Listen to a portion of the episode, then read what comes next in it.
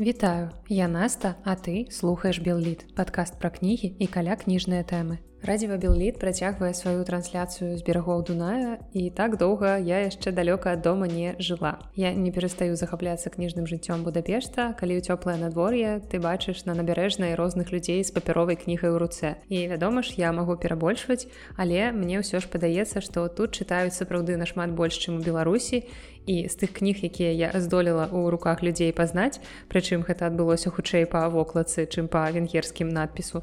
Гэта Гарры Поттер у руках адной дзяўчынкі. Я праўда не змагла вызначыць якая частка, але візуальна вокладка выглядала як вокладка Гарры Поттера ўсё, што я магу сказаць. Праўда, яшчэ такая штука, што за месяц тут я ні разу не карысталася пакуль грамадскім транспартам, дакладней адзін раз, каб даехаць з аэрапорта. Тады можна было пацаніць, колькі людзей чытаю ў метро, напрыклад, ці ў транспарце. Але можа я ўсё ж таки вырашу спусціцца туды і тады ўжо пагляджу і змагу параўнаць Беларусю, бо мне падаецца, што ў нас вельмі мала людзей чытаю ў транспарце, асабліва папяровыя кнігі. Магчыма, яшчэ вы можете ўбачыць кагосьці з тэлефонам і ён чытае электронную кнігу або нават з кіндлам, але ўсё радзей і радзей я сапраўды сапраўды бачу такіх людзей атрымалася нейкая паэзія. А так як у грамадскім транспарце ў беларусі я езжу даволі часта то сапраўды я ведаю пра што кажу. Таксама я не магу перастаць скупляць кнігі тут. І калі раптам вы будзеце ў будапешце то я магу вам параіць цудоўную кнігарню якая знаходзіцца ну просто ў цэнтры і нельга просто так узяць і не зайсці ў яе калі гуляеш побач з грандыёзным сабором святого іштвана Таму раю вам вуліцы 6 кастрычніка 11 кнігарня, якая называецца бестселлерс. Гэта месца, дзе можна знайсці кучу англамоўных кніг. Гэта кнігарня спецыялізуецца акурат на англамоўных выданнях.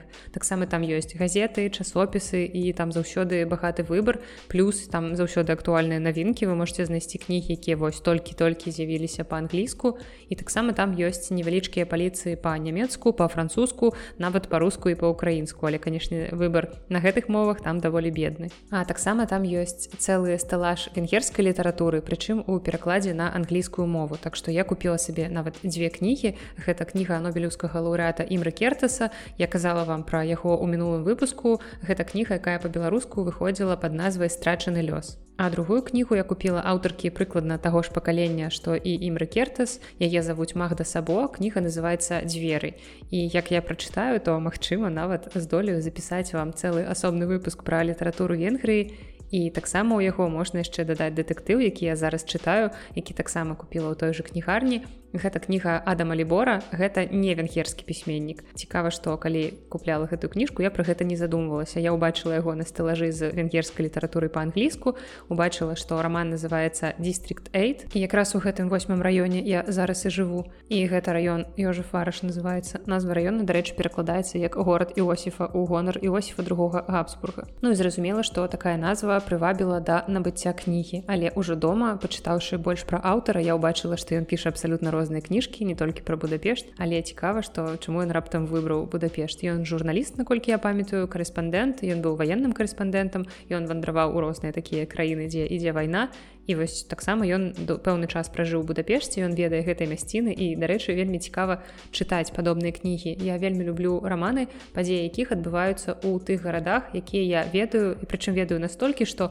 калі герой ідзе пэўнымі вуліцамі якія называюцца я магу просто заплюшчыць вочы і уявіць увесь ягоны маршрут. Ну і зразумела што лягчэй за ўсё такое ў мяне адбываецца з горадам у якім я нарадзілася і жыву з мінскам. Але вось цяпер я чытаю роман у якім таксама я пазнаю нейкія мясціны таму што амаль штодзённа па іх хаджу і гэта цікава. Хаця я б не сказала што гэта нейкая супер цікавая кніга я прачытала трошки менш за палову і пакуль што гэта такі трошкі палітычны дэтэктыў. Гэта гісторыя падзей якой адбываюцца ў 2015 годзе на вакзале у будапешце.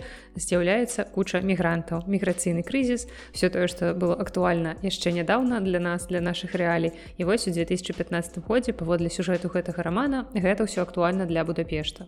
Шчыра кажучы я не вельмі люблю палітычныя дэтэктывы. Для мяне гэта ўсё не так цікава як дэтэктывы звычайныя падзеі які якіх не звязаная з нейкімі палітычнымі справамі. Мне цікавей глядзець на нейкія расследаванні, забойствы і гэтак далей. Тут у гэтым творы таксама ёсць забойства, але пакуль што толькі адно і вакол яго круціцца ўвесь сюжэт рамана. Але ў асноўным гэта ўсё рэальна абмеркаванне палітычных праблемаў. Падзеі ў рамане перамяшчаюцца ад вакзала кілеці, на якім уласна і размясціліся усе мігранты да офіса прэм'ер-міністра Венгрыі, імя якога, дарэчы, не Віктор Орбан, як цяпер.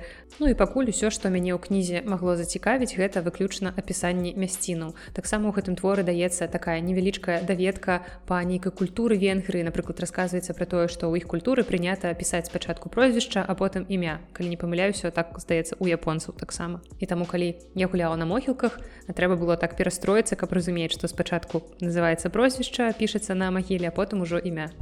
Плюс там даюцца розныя цікавыя звесткі пра гісторыю венгры увогуле пра нейкія асаблівасці канкрэтна горада будапешт пра нейкія канкрэтныя мясціны. І пакуль што мне гэта цікава паколькі я знаходжуся тут і магу нават нешта прачытаць а потым пайсці паглядзець на гэтае месца Ну але асноўнае для мяне зразумела як я ўжо казала гэта тое што раман называется дистрикт 8 як раёну якім я жыву. І гэта дадае кнізе такога асаблівага шарму асабіста для мяне але мне здаецца што іншым чытачам гэтую кнігу я не стану раіць асабліва вам. Я не буду яе рэкамендаваць тому что гэта не той дэтэктыў які б я хацела параіць. Пакуль што Мачыма там далей усё зменіцца і гэта будзе нешта шэдаўральнае але на хутрыцу гэтай кнігі не вельмі высокая адзнака штосьці накшталт 38 Ну і вы разумееце што гэта не літаратурны шэдэўр. Таксама ў мінулым выпуску я рассказывала што ў гэтым месяцы у мяне такі своеасаблівы квест які ў прынцыпе я працягваю і ў красавіку планую працягваць і ён заключаецца ў тым што я не чытаю кнігі па-руску пакуль я спраўляюся з гэтым квестам вельмі паспяхова таму што кніг на рускай мове у мяне ў будапешце папросту няма. У кватэры дзе я жыву ёсць стосік кніг по-беларуску але з гэтых кніжак я ўжо ўсё чытала. Ну і таксама я вось сама сабе купляю як я ўжо казала кнігі па-англійску купляла кнігі па-польску і таму я чытаю гэты дэтэктыў пра будапешт у арыгінале па-англійску а вечарамі перад сном я чытаю споведь ларысы геніюш насамрэч ужо даволі даўно варта было прачытаць гэты твор. Я асабліва калі пазіцыяную сябе як нібыта нейкі там эксперту беларускай літаратуры але зразумела што мы не можемм чытаць усё што хочацца. Ну у сэнсе тэарэтычна можемм я так і раблю чытаю тое што мне хочацца але сэнс тым што мы не можемм ахапіць усё просто ўсё усе кнігі якія я хочу прачытаць я не ведаю ніколі ў жыцці мабыць не прачытаю. Гэта канешне сумна калі пра гэта задумвацца але я пра гэта не задумваюся адпаведна і не сумую просто чытаю сваё задавальненне. Дык вось геніюш была ў маім спісе на прачытанне ўжо вельмі даўно. Раней я знаёмілася з вершамі геніюш а потым я прачытала кнігу мехася скоблы у якой ён проста неверагодна адгукаецца пра творчасць гэтай нашай вядомай таленавітай аўтаркі. Кніга мехася скоблы называется саркафагі страху у ёй сабраныя розныя літаратурныя эсэ і вось акурат адно з іх было прысвечанае ларысе геніюш мехай скобла той аўтар які сваёй любоўю да пэўнага аўтара можа зацікавіць цікавіць усіх. І пасля гэтага я вельмі зацікавілася асобай ларысы геніюш і падумала што варта было бліжэй пазнаёміцца ўвогуле з яе біяграфіяй з яе творчасцю і запісаць для вас асобны выпуск тому что гэта сапраўды вельмі значная для гісторыі не толькі беларускай літаратуры але і беларускай культуры наогул і таксама ларыса геніюш знакамітая як грамадскі палітычны дзеяч. Карацей гэта вельмі таленавіты чалавек які быў таленавіты ва ўсім. І зараз чытаючы яе споведь я упэўніваюся наколькі моцная гэтая жанчына. І яе біяграфія мне здаецца вартая таго каб паводле яе здымаць серыялы. Таму что гэта будзе захапляльна і гэта будзе натхняльна для многіх жанчынаў тут трошки такой нейкай будзе у мяне гёрл спауа павесткі але сэнс тым что мы прывыклі што ў нас ёсць моцныя мужчыны якія рабілі нашу дзяржаву якія змагаліся як той казаў за нашу і вашу свабоду. Але сутнасцю тым што ў гісторыі беларусі даволі шмат сапраўды моцных жанчынаў якія таксама шмат для яе зрабілі якія просто засталіся недаацэненымі. Не скажу што ларыса геніюш недаацэненая не гэта не так але ўсё роўна яна патрабуе таго каб пра яе гаварылі больш Ну і таксама некалькі гадоў таму калі я подводзіла вынікі года у падкасці я попрасіла каб розныя вядомыя беларускія дзеячы літаратары перакладчыкі паэты каб яны рассказывалі пра тыя кнігі якія іх у гэтым годзе натхнілі і вось паэтка даша белькевич чыю творчасць я бязмежна люблю акурат рассказывала пра гэтую кнігу ларысы геніюш чым яшчэ больш натхніла мяне на чытанне. Таму прывітанне даша дзякуй табе за такую параду. Вядома ж гэта не асноўная прычына чаму я захацела пачытаць твор геніюш але даша нібыта стала яшчэ адным таким штуршком. Такім чынам вось такое маё актуальнае чытанне гэта споведь ларысы геніюш і гэта кніга Адама Лібора, якая называется дистрикт 8. Ну і ўжо традыцыйна перад тым як перайсці да сённяшняга выпуска я паадказваю на ваши пытанні з Google формаў і каментарыі на кастбоксе. І пачну з камента на кастбоксе да папярэдняга выпуска бо ў тым выпуску я з вами дзялілася даволі вузкімі сваімі ўласнымі ведамі наконт ісландскай літаратуры і мае слухачы такія цудоўныя яны мяне дапаўняюць. І вось кася напісала такі каментарый у якім расказала пра яшчэ аднаго ісландскага аўтара які вас можа зацікавіць У Ісландыі ёсць свой нобелеўскі лаўрэат Халдор Лакснес, якога за савецкім часам шмат перакладалі на расейскую, бо аўтар быў сацыялістам і пісаў антыкапіталістычныя раманы. Я чытала ягоныя апавяданні. У іх было шмат няпростай штодзённасці працоўнага люду і атмасфера таксама была. Дзякуй кася, вось такое дапаўненне да ісландскай падборкі для тых, хто цікавіцца ісландскай літаратурай. Ну а цяпер пераходзім да пытанняў з Google формаў. Слухач, які не падпісаўся, задае наступнае пытанне. Ці слухаеце вы якія-небудзь падкасты на замежных мовах польскай англійскай напрыклад? І тут вы просто ушчэнт сякерай разбіваеце скрыню пандоры як Джек Ніколсон разбіваў драўляныя дзверы ў фільме зянне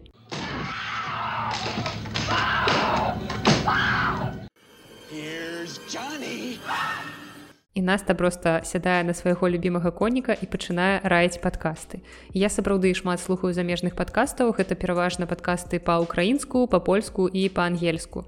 І зразумела, што гэта ўсё пераважна кніжныя падкасты, але таксама ёсць падкасты і на іншыя тэмы. Я разаб'ю падкасты на некалькі груп, пачну я з польскамоўных, калі вы толькі вучыце польскую мову калі вы хочаце больш на ёй слухаць то я вам раю падкаст які называется реал поліш дарэчы як заўсёды спасылкі на ўсе падкасты будуць у апісанні да выпуска таму можете гэтыя назвы не запамінаць. І гэты падкаст реал поліш вядзе Пётр які жыве ў варшаве і гэты падкаст цалкам запісаны на польскай мове. Але гэта не такі класічны адукацыйны падкаст дзе вам расказваюць штосьці пра граматыку іх і так далей Пётр гэтага не робіць ён просто записывае агульнаадукацыйны падкаст на польскай мове з вельмі зразумелым вымаўленнем. У яго цудоўная прыгожая мова і таксама ён тлумачыць нейкія складаныя словы. Калі ён раптам у размове ўжывае нейкае складанае слово то апісальна ён дае вам зразумець што яно значыць. І ў сярэднім выпуске гэтага подкаста працягласцю ад 40 хвілін да гадзіны і тэмы Пётр закранае абсалютна розныя ад гісторыі да сучасных тэхналогій. Напрыклад адзін з апошніх выпускаў яго подкаста быў пра нейрасетку чат-бота чат GPT які зараз ва ўсіх наслыху я думаю што вы таксама пра яго чулі. Ну і таксама цудоўна, што Пётр запісвае выпускі і пра польскую культуру, што вельмі важна, калі вы пачынаеце вучыць мову, таксама трошачкі пагружацца, старацца ў культуру гэтай гэтага народу мовы, якога вы вучыце.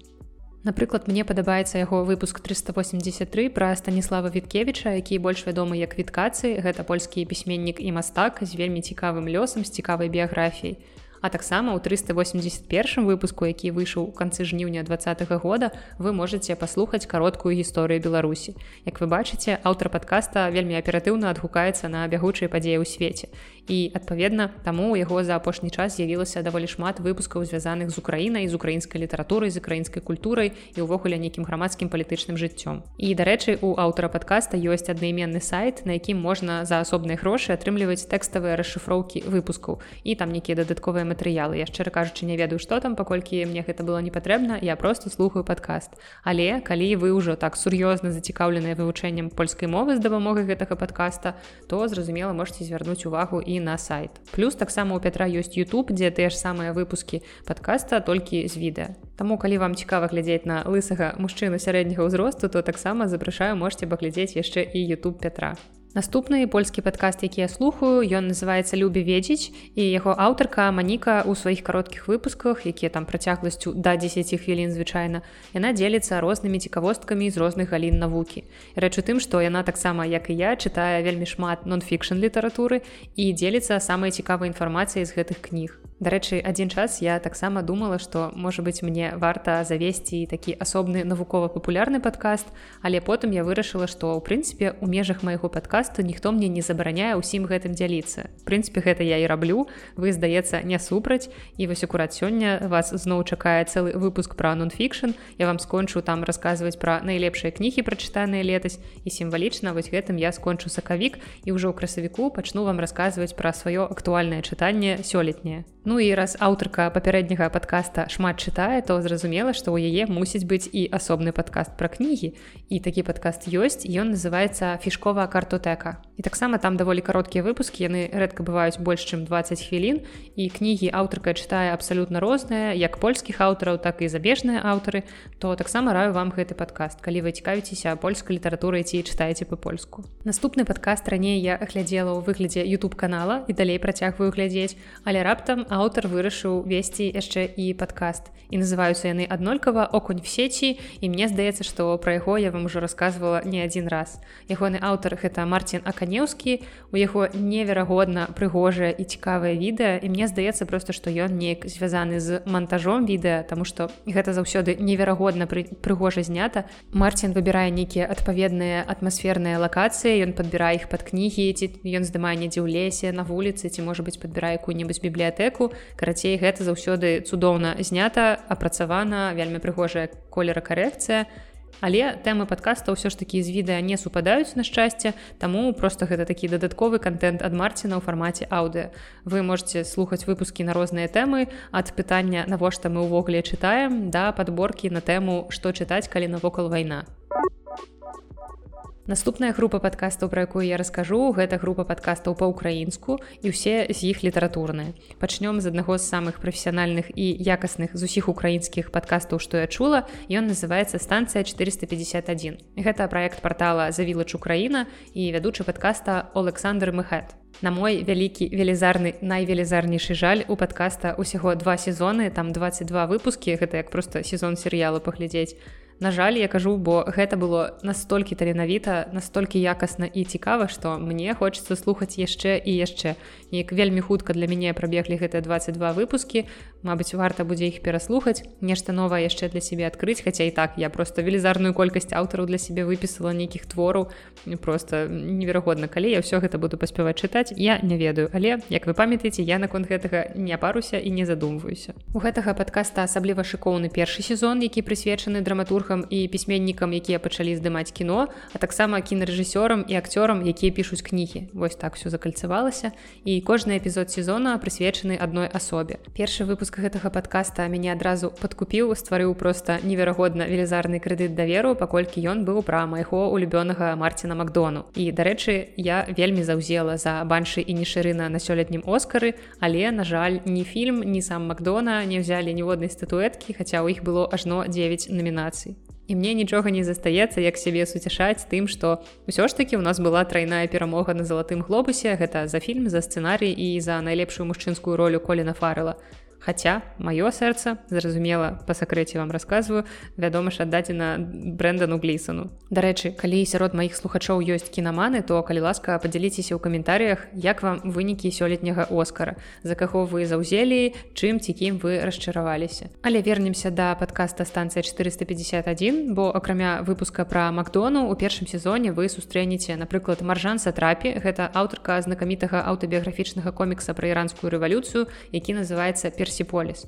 І чым значны гэты твор чаму менавіта я яго адзначыла? Бо рэч тым што нядаўна гэты твор гэты комікс выйшаў па-беларуску ў выдавецтве фляумбаум у нас даволі рэдка выходзяць коміксы. У выхад кожнага комікса гэта сапраўдная падзея асабліва калі гэта такія знакамітыя і якасныя коміксы. Персіполіс я чытала вельмі даўно па-руску але абавязкова прачытаю беларускае выданне. Вы зможце знайсці спасылку на пакупку гэтага твора у апісанні да выпуску. Таксама у першым сезоне падкаста вы сустрэнеце памяці Чарлі Кауфмана, сцэнарыста фільма вечнае зянне чыстага розуму гэтага легендарнага фільма з Джимом Керы. І ў выпуску падкаста згадваецца не толькі ягоныя сцэнарныя працы, але і таксама кніга муравечества, пра якую я вам рассказывала ў 60 выпуску. Ну і таксама ў першым сезоне вы сустрэнеце многіх іншых творцаў свету кіно і літаратуры. А вось у другім сезоне ўжо падкасты звяртаецца да украінскай літаратуры і асобныя выпускі там запісаныя пераважна пра класіка украінскай літаратуры, але ўсё ж такі ёсць адзін выпуск выпуск з падборкай сучасных аўтараў. Таму гэта моя гарачая рэкамендацыя вам у дадатак да 76 выпуска майго падкаста, дзе я расказваю пра некалькі сучасных цікавых украінскіх кніжак. Ідём далей па ўкраінскіх падкастах і тут у нас яшчэ адзін двухсезонны падкаст які складаецца ўсяго з 14 выпускаў. Падкаст называется взяла і прочытала і яго аўтарка культурная менеджерка богдана набурак. Яна вельмі цікава вельмі прафесіянальная таленавіта а галоўная з душой гаворыць пра літаратуру пра яе ўплыў на разуменне складаных рэчаў. Яна ўздымае сапраўды вельмі няпростыя літаратурныя пытанні і я таксама неверагодна сумую што новых выпускаў даўно няма бо гэта той падкаст які мне хотел хацелася б слухаць на пастаяннай аснове. Не абавязкова, каб выпускі выходзілі там даволі часта раз на тыдзень, але мне хацелася пад яе рэгулярнасці, бо гэта сапраўды тое, чаго мне вельмі не хапае ў літаратурным свеце вось такіх свежых, не шаблонных развагаў пра літаратуру. На сёння я скончу з падборкай падкастаў у наступным выпуску падкаста я вам раскажу пра англамоўныя падкасты якія слухаю. А вось сёння была такая подборачка польскіх подборачка украінскіх Мачыма да наступнага выпуску я ўспомню нешта яшчэ што мне хочацца вам згадаць але пакуль што вось так. І скончу нарэшце адказы на пытанні каментам ад вадзіма.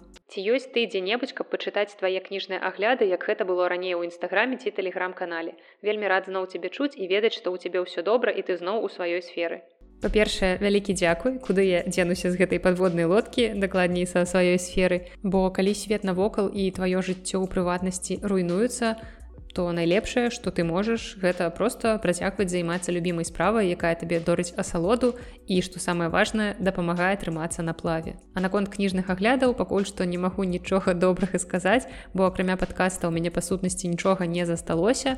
Але не думайце трагічна не засталося ўсё ж такі паводле маёй ініцыятывы. Я сама прыпыніла ўсё гэта на аднаўленне нстаграма і тэлеграм-канала з аглядамі мне трэба трошкі больш сіл трошкі больш магчыма натхнення і самае галоўнае часу. Таму магчыма калісьці штосьці і вернецца але пакуль што нічога не магу паабяцаць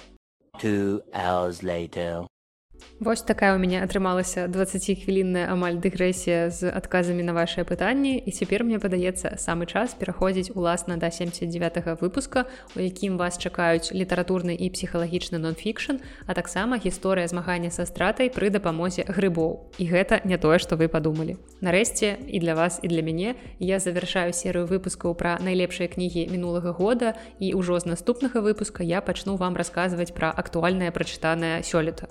Я буду рада радавацца або бомбіць і матэрыялаў дастаткова ўжо і на першае і на другое.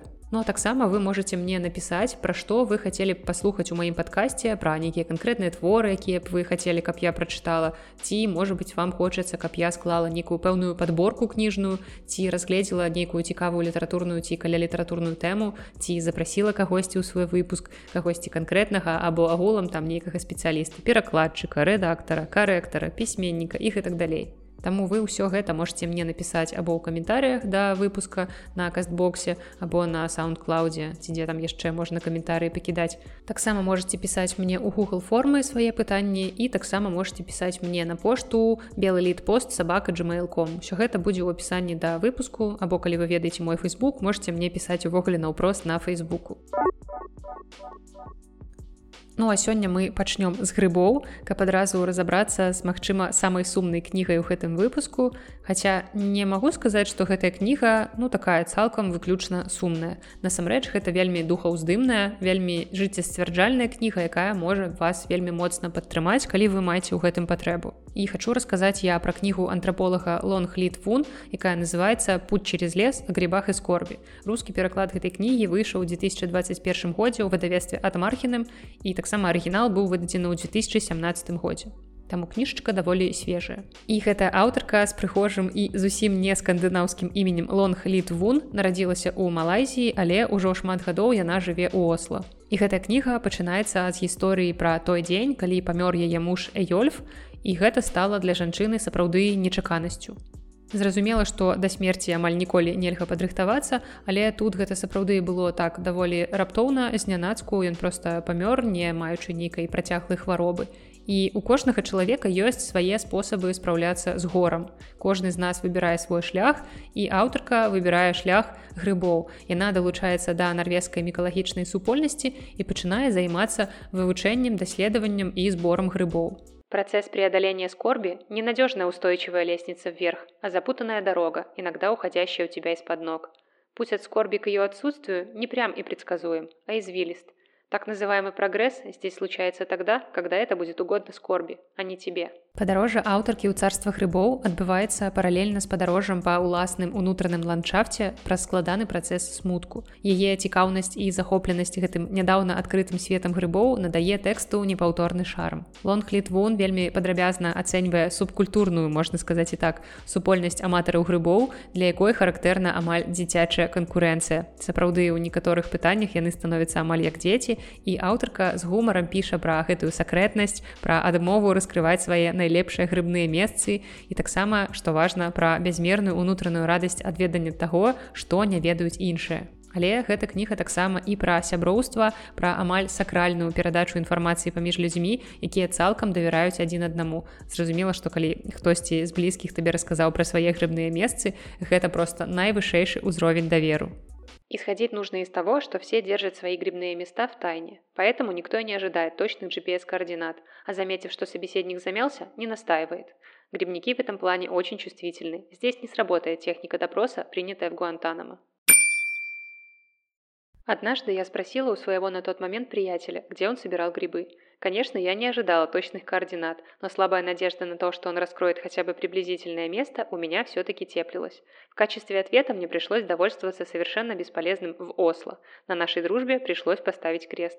Як вы ўжо заўважылі, Лонг піша вельмі гумарыстычна і мудра. І хоць паралельны смутак з нагоды смерці мужа прысутнічае на працягу ўсёй кнігі, яна ніколі не пераходзіць у такі залішні сентыментальны стыль. Хутчэй, яна па-філасофску разважае над пытаннямі жыцця і смерці, прыняцця страты і перажывання гора. І дарэчы, гэтую кнігу можна разглядаць не толькі як гісторыю жанчыны, якая спраўляецца са смерцю мужа, бо таксама яе можна прыкласці і да іншых стратаў, напрыклад, раставання або смерці кагосьці сяброў ці сваякоў. Неудивительно, что после каждой смерти образуется пустота. Когда теряешь близкого человека, находившегося рядом с тобой каждый день, приходится заново искать смысл каждого часа. Слово «смерть» у папярэдняй цытаце можна лёгка замяніць словам «страта» і не згубіць сэнсу. Бо сапраўды, калі з твайго жыцця знікае чалавек, важны чалавек, то няважна, якім чынам гэта адбылося, гэта смерць, раставанне, проста нейкае раптоўнае знікненне, ты ў любым выпадку доўгі час жывеш з велізарнай пустэчай унутры яна раней была запоўненая гэтым чалавекам думкамі пра чалавека ці нейкім сумесна праведзеным часам а цяпер гэтага няма. І самае важнае навучыцца гэтую пустэчу запаўняць у першай чаргу запомніць яе уласна сабой. Але аўтарка таксама цікава ў гэтай кнізе разважае і пра смерць. Я не ведаю увогуле наколькі часта вы пра гэта думаеце бо я не тое каб надта часта гэта раблю але чытаць кнігу мне ўсё роўна было цікава. І зразумела што часам трошкі я задумваюся над такімі рэчамі як уласная смерць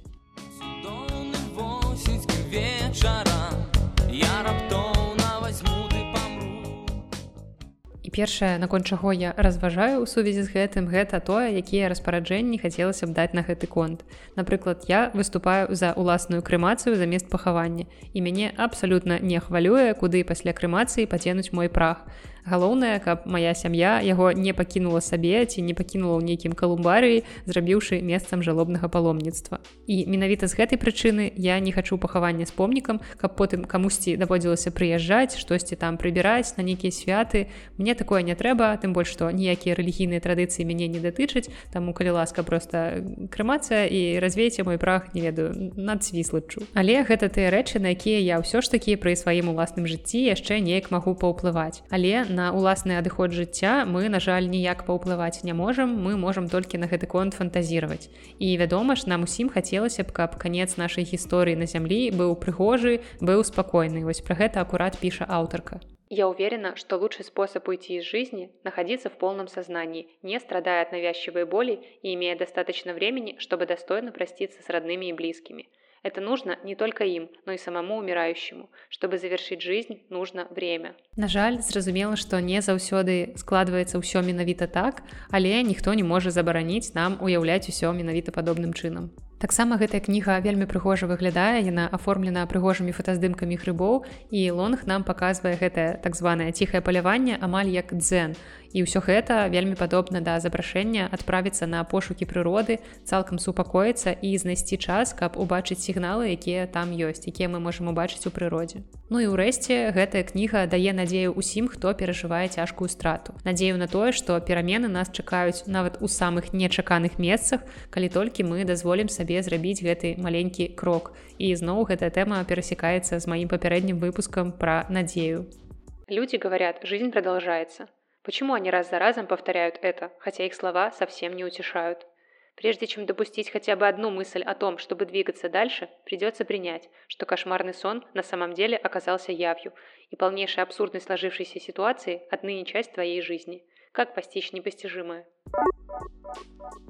Працягваем выпуск мы аўтарам, які быў адным з маіх галоўных адкрыццяў у 2019 годзе. Гэта Алексей палярынаў, пісьменнік, эсеіст і перакладчык. І я знарок тут не дадаю прыметнік расійскі. Алексей з нядаўняга часу жыве ў Тбілісі і ў сваім нстаграме і тэлеграм-канале вельмі шчыра дзеліцца думкамі наконт таго, што ў свеце адбываецца і называе там рэчы сваімі словамі. Наша знаёмства з ім акурат пачалося з тэлеграм-канала палярінов пішет.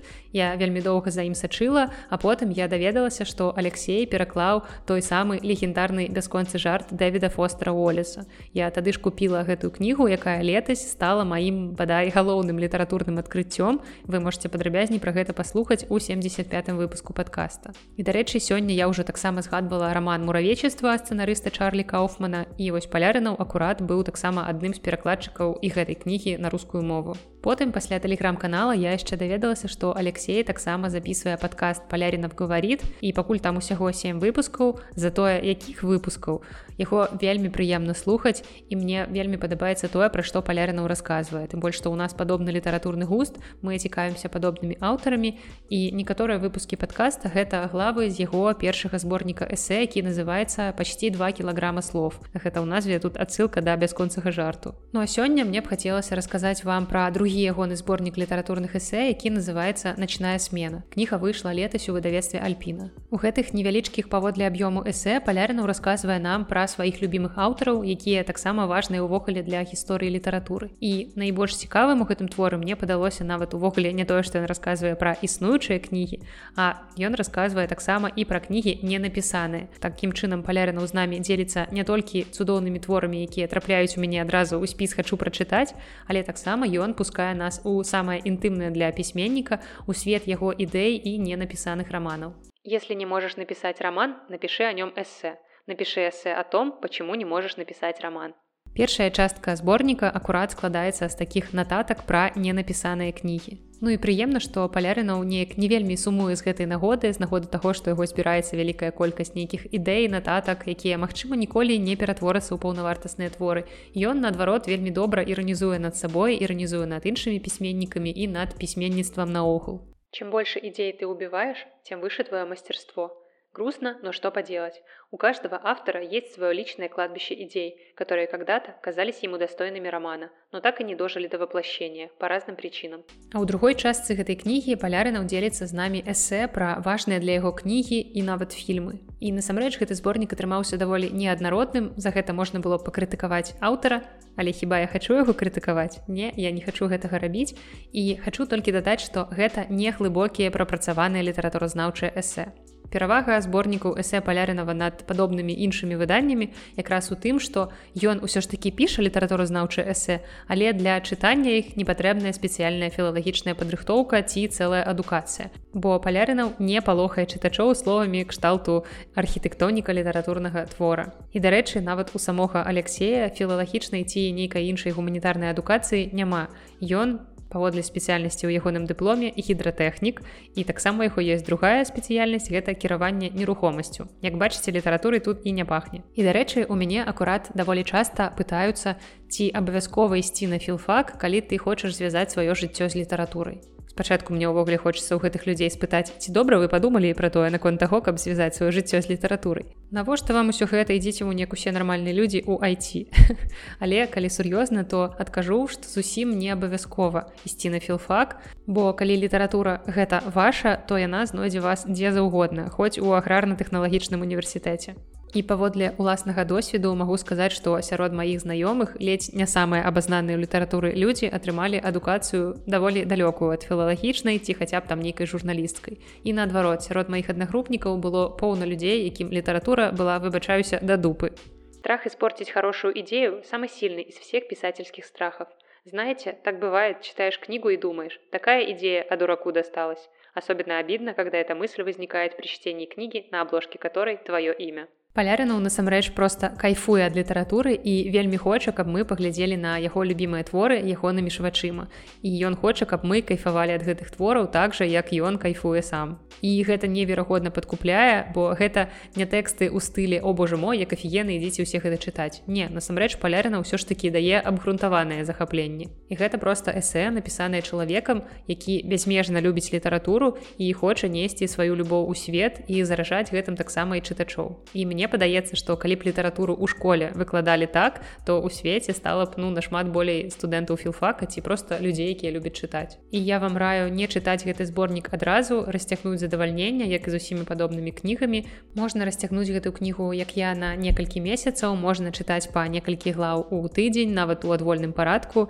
І пасля гэтай кнігі як і пасля папярэдняга зборніка эсэ мой спіс хачу прачытаць у найбліжэйшы час. Гэты безмежны спіс у якім я нават не ўяўляю колькі ёсць пунктаў і гэты спіс зноў папоўніўся і гэта значыць што будзе яшчэ не адна нагода перачытаць і гэты зборнік і таксама першы зборнік эсэ палярынова любой кто пробовал знает что сочинить текст это полдела вторая половина хоть как-то исправить то что ты уже наворотил далее смириться с тем что можно было сказать лучше но не вышло в каком-то смысле быть писателем значит постоянно видеть перед глазами воображаемое табло с подсчетом промахов и неудачных сюжетных ходов и научиться с этим жить Научиться проигрывать, но, и это важно, проигрывать красиво. І апошняя кніга ў сённяшнім выпуску зноў на сур'ёзную тэму, але я думаю, што калі вы не першы дзень з маім падкастам, то вы ўжо прывыклі да той літаратуры, якую я чытаю.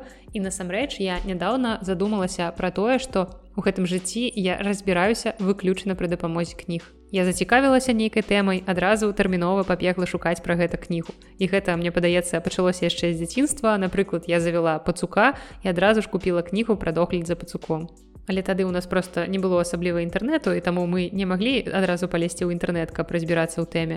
І таму ў дзяцінства неяк ува мне закладзена што кнігі гэта асноўная крыніца доступу да інфармацыі. З узростам напрыклад я пачала чытаць усё больш медыцынскага нейкага псіхалагічнага нон-фікшана каб разбірацца ў сабе у сваім целе. І ці там я мела напрыклад праблемы са сном. Вядома ж я першапачаткова звярнулася да спецыяліста але паралельна таксама я чытала адпаведныя кнігі пра сон або таксама сутыкнулася з дэпрэсіяй зразумела першы крок ісці да спецыяліста але таксама увесь спіс прачытанага пасля гэтага ў мяне быў забіты адпаведнымі кнігамі што вы таксама маглі заўважыць па апошніх выпусках майго падкаста. Ну і вось такім чынам мне ў руки трапіла і гэтая кніга пра псіхалагічныя траўмы бо ў нон-фікшане я шукаю адказы на ўласныя пытанні. І дарэчы наконт гэтага ёсць цытата ў наступнай кнізе. Ученые склонны изучать то, что озадачивает их больше всего так что они зачастую становятся экспертами в областях, которым другие не придают особого значения. Или, как однажды сказала мне исследователь привязанности Беатрис Биби, большинство исследований являются самоисследованиями. І я задумалася, што дзе б яшчэ знайсці кнігу, як жыць гэтае жыццё і не паехаць кукухай. Але насамрэч адказ на гэтае пытанне складаецца акурат са зместу многіх кніг, якія я чытаю апошнім часам, у тым ліку і наступнай кнігі. І пагаворым мы зараз пра кнігу нідерландскага псіхіятра спецыяліста па траўмах, якога завуць Бесел Вандерколк. Ён ужо больш за 30 гадоў працуе з людзьмі, якія перажылі траўму, і гэта кніга называется «Тело помнит все. Какую роль психологическая травма играет в жизни человека и какие техники помогают ее преодолеть». Русский пераклад выйшаў у 2020 годзе ў выдавестве «Эксмо», а арыгінал кнігі надрукаваны ў 2014 годзе. І як бы у назве гэтай кнігі ёсць усё, што трэба вам ведаць пра гэтую кнігу. Психологическая травма затрагивает весь человеческий организм, тело, разум и мозг. При ПТСР тело продолжает защищаться от опасности, которая давно миновала. Для лечения ПТСР необходимо положить конец этой непрекращающейся стрессовой реакции и восстановить нормальный режим работы организма, дать ему понять, что ему ничего не угрожает. І гэтая кніга проста неверагодная крыніца карыснай інфармацыі з самымі актуальнымі звесткамі і самымі актуальнымі даследаваннямі. Аўтар сапраўды даволі аўтарытэтны вучоны клініцыст і ён лічыцца адным з самых вядомых у свеце аўтарытэтаў па траўме і яе наступствах. Аўтар аб'ядноўвае эмпірычныя інавацыйныя даследаванні з практычным клінічным досведам каб вельмі зразумела нам тлумачыць прыроду траўмаў. І ў першай частцы гэтай кнігі даецца увогуле вызначэнне траўмы наогул вызначэнне посттраўматычнага стрэсавага расстройства і мы даведаемся гісторыю развіцця поглядаў увогуле разумення дыягностыкі траўмаў і птср А таксама мы разбярэмся ў адрозненнях ва ўздзеянні і прагнозе паміж вострай і хранічнай траўмай і паміж траўмай атрыманай у дзяцінстве і траўма, якую мы атрымалі ўжо ў сталым дарослым узросце. Аўтар гэтай кнігі разумее траўму як спалучэння і біялогіі і сацыяльных аспектаў, паколькі траўмуючыя падзеі ўплываюць як на цела, так і на рэальнае жыццё чалавека, які іх перажывае і вельмі важна як сцвярджае аўтар што мы не можам просто выкарыстоўваць лекі для лячэння птср або нейкіх іншых псіхічных захворванняў бо мы павінны лячыць усяго чалавека цалкам. І вядома ж вельмі проста ўзяць таблеткі заглушыць усё таблеткамі але зразумела што такім чынам мы забіваем не хваробу а толькі яе праяўленні толькі сімптомы хваробы А шукаць насамрэч усё трэба глыбей і лячыць трэба чалавека нашмат глыбей. Аўтар пачынае з расказаў пра свой досвед лячэння посттраўматычнага стрэсавага расстройства ў ветэранаў вайны, а потым ён пашырае сваё даследаванне, уключаючы ўплыў розных відаў траўмаў, асабліва дзіцячых траўмаў на біялагічнае функцыянаванне цела і мозгу. І ён напісвае, як выглядае траўма. Траўма змяняе працу мозгу і тыя самыя адаптацыі, якія дазваляюць чалавеку перажыць траўму, яны потым могуць проста абмежаваць яго наступнае жыццё. Яны абмяжуюць яго здольнасць атрымліваць асалоду ад жыцця, дасягаць нейкіх мэтаў, мець адносіны, якія задавальняюць гэтыя сяброўскія або рамантычныя адносіны ці ўвогуле спасцігаць адкрываць для сябе гэты свет. Бо гэтыя механізмы, якія нам дапамагаюць перажыць траўму, яны проста ізалююць нас ад астатняга жыцця, яны нас абараняюць бо яны не разумеюць што траўма ўжо прайшла што ты ўжо ў бяспецы. Яны па-ранейшаму працягваюць цябе абараняць. Ну а другая частка кнігі прысвечана таму як птср лячылі ў мінулым.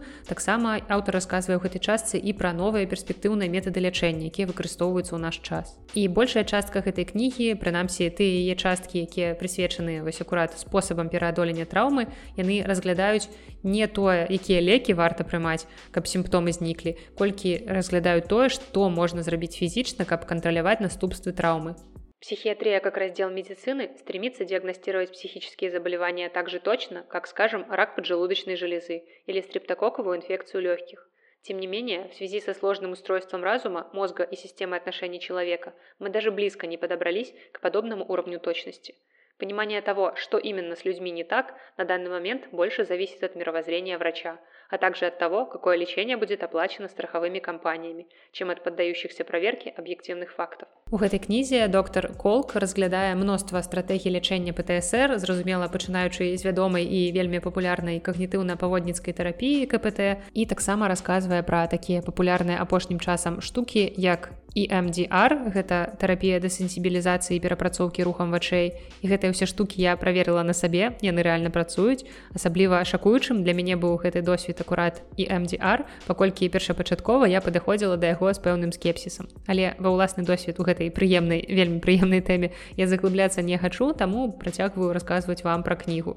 Аўтар вельмі падкрэслівае важнасць аднаўлення кантакту з нашымі эмоцыямі і нашым целам пасля траўмы і прапануе мноства практычных спосабаў зрабіць гэта напрыклад йога і йогу мне было неверагодна прыемна сустрэць у гэтай кнізе і не просто згадкі йогі, а подтверждение яе эффективности у лечения травмаў. В ходе исследования при поддержке национальных институтов здравоохранения мы вместе с коллегами показали, что 10 недель занятий йогой значительно снижают проявление симптомов ПТСР у пациентов, которым не помогло ни одно лекарство и никакое другое лечение. Асабіста для мяне йога стала дадатковай тэрапіяй, прычым ну просто максімальна эфектыўнай. Я займаюся йогай ужо 9 месяцаў і я не магу сказаць, што гэта нейкі велізарны тэрмін, але дзеянне йогі ты пачынаеш адчуваць ужо вельмі хутка. Я займаюся ў студыі і калі ў мяне дастаткова сіл і часу, то я хаджу туды 6 разоў на тыдзень і мне вельмі пашанцавала, што я амаль адразу трапіла ў камфортнае месца і сустрэла сваіх настаўнікаў. Гэта ўсё атрымалася з першага разу. Инструктор по йоге сказала, чтобы мы вдыхали как можно больше воздуха, почувствовав черту, после которой уже больше нельзя вдохнуть. Она сказала, что сосредоточившийся на своем дыхании человек непримерно оказывается в настоящем, потому что невозможно вдыхать прошлое или будущее. Адразу зраблю тут оговорку, что мяне мало цікавіць нейкі эзотарычны духовный аспект йоги, бо для мяне йога гэта пра моц уласнага цела, пра засяроджанасць на сабе на сваіх адчуваннях і таксама вельмі важна пра канцэнтрацыю. Я не спяваю мантры, я не малю Малюся індыйскім багам але я стаю на галаве і полюбіла планку і адцісканні і для мяне зараз йога гэта просто трошки больш чым фізкультура але ўсё ж таки яшчэ не нейкае духоўнае вучэнне і таксама ў кнізе аўтар тлумачыць што калі мы перажываем траўмуючыя падзеі наш мозг спраўляецца з імі такім чынам што ён просто адключае тыя часткі мозгу якія не з'яўляюцца неабходнымі для таго каб мы выйшлі жывымі з гэтай падзеі Такім чынам ён эканоміць нашы сілы і частка мозгу якая адключаецца і якая найбольш цікавая сувязі з гэтым птср гэта частка якая вызначае месцазнаходжанне падзеі ў часе. Наш мозг лічыць што ўсе часы гэта адзін час калі няма ўпэўненасці што вы перажывяце гэтую траўмуючую падзею. І праблема ў тым што гэта азначае што падзея не звязаная з нейкім канкрэтным часам у мінулым. І таму гэтая падзея ніколі не можа быць скончаная яна просто пастаянна прысутнічае. І гэта значыць што любы трыгер які вяртае падзею вашу свядомасць не проста на нагадвае пра здарэнне што вы нібыта там недзе ва ўспамінах далёкіх думаеце Ага вось гэта са мной адбылося не гэта працуе не так. Гэта любыя трыгеры яны вяртаюць вас непасрэдна ў саму падзею. Вы не проста яе ўспамінаеце вы зноў яе перажываеце. Вось настолькі моцнае паводле адчування ў гэтай эмоцыі што гэта выглядае так нібыта вы просто зноў яшчэ раз пражылі гэты момант. І сэнс большай часткі тэрапіі траўмы заключаецца ў тым каб пераканаць ваш мозг што траўматычная падзея яна ўжо ў мінулым яна ўжо адбылася адбылася і цяпер вам нічога не пагражае.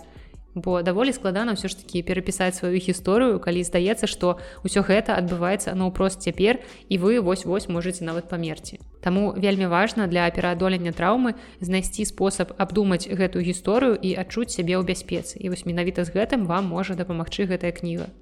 Колк паказвае, як траўма фізічна ўплывае на змены ў мозгу і целе, выклікаючы ў нас такія розныя адчуванні, як трывога, лютасць, дэпрэсія, няздольнасць засяродзіцца, праблема з запамінаннем, успаміны, давер, увогуле фарміравання нейкіх адносін. І ў кнізе разглядаюцца абсалютна розныя віды траўмаў. Гэта як выкліканыя дзіцячай безнагляднасцю нейкім сексуальным ці домашнім гвалтам траўмы, так і ПТСР у людзей, якія прайшлі непасрэдна праз вайну праз нейкія баявыя дзеянні. І гэта проста выдатная кніга, мне хочацца раіць чытаць гэтую кнігу сапраўды усім нават калі ў вашым жыцці не было нейкіх траўмуючых падзей спадзяюся ці нейкай сапраўднай псіхалагічнай траўмы але ёсць усё ж такі верагоднасць таго што вы ведаеце каго-небудзь хто перажыў нейкую траўму і верагоднасць гэтага даволі высокая асабліва калі вы жывяце ў беларусі І таму няма нічога дрэннага ў тым, каб проста спрабаваць зразумець гэты свет крышку лепш. Мы можем выдерживать достаточно высокий уровень дискомфорта, если будем помнить, что беспокоящие нас ощущения в теле лишь временны.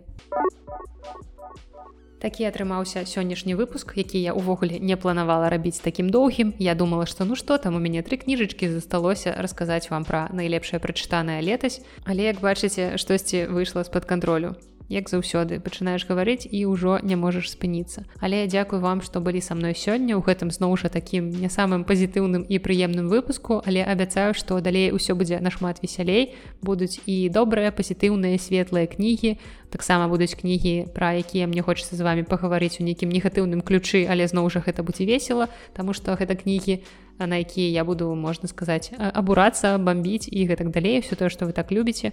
Але сёння вось такі выпуск пра псіхалогію трошкі пра літаратуру. Спадзяюся што вам было цікава. І на гэтым я заканчиваю свой цыкл падвядзення вынікаў мінулага года. Нарэшце 29 сакавіка я прыйшла до таго што скончыла вам пра гэта расказваць. Таму ўжо з наступных выпускаў вас чакае самая самая свежая гарачая актуальная прачытаная Далей будзе стандартная інфармацыя, якую вы ўжо ведаеце пра тое, што ўсё, пра што я гаварыла ў сённяшнім выпуску, вы можете знайсці ў апісанні да гэтага падкаста ўсе спасылкі на кнігі, на падкасты, пра якія я рассказывала. Таксама ў апісанні вы знойдзеце інфармацыю пра тое, як мой падкаст можна падтрымаць. І там жа ў апісанні ўсе спасылкі на Google формы, на мой e-mail, куды вы можете мне напісаць на любую тэму, якая вас цікавіць. Можна проста нават пагаварыць пра жыццё. Ну а на сёння гэта ўсё. З вами была наста і падкаст белліт да сустрэчы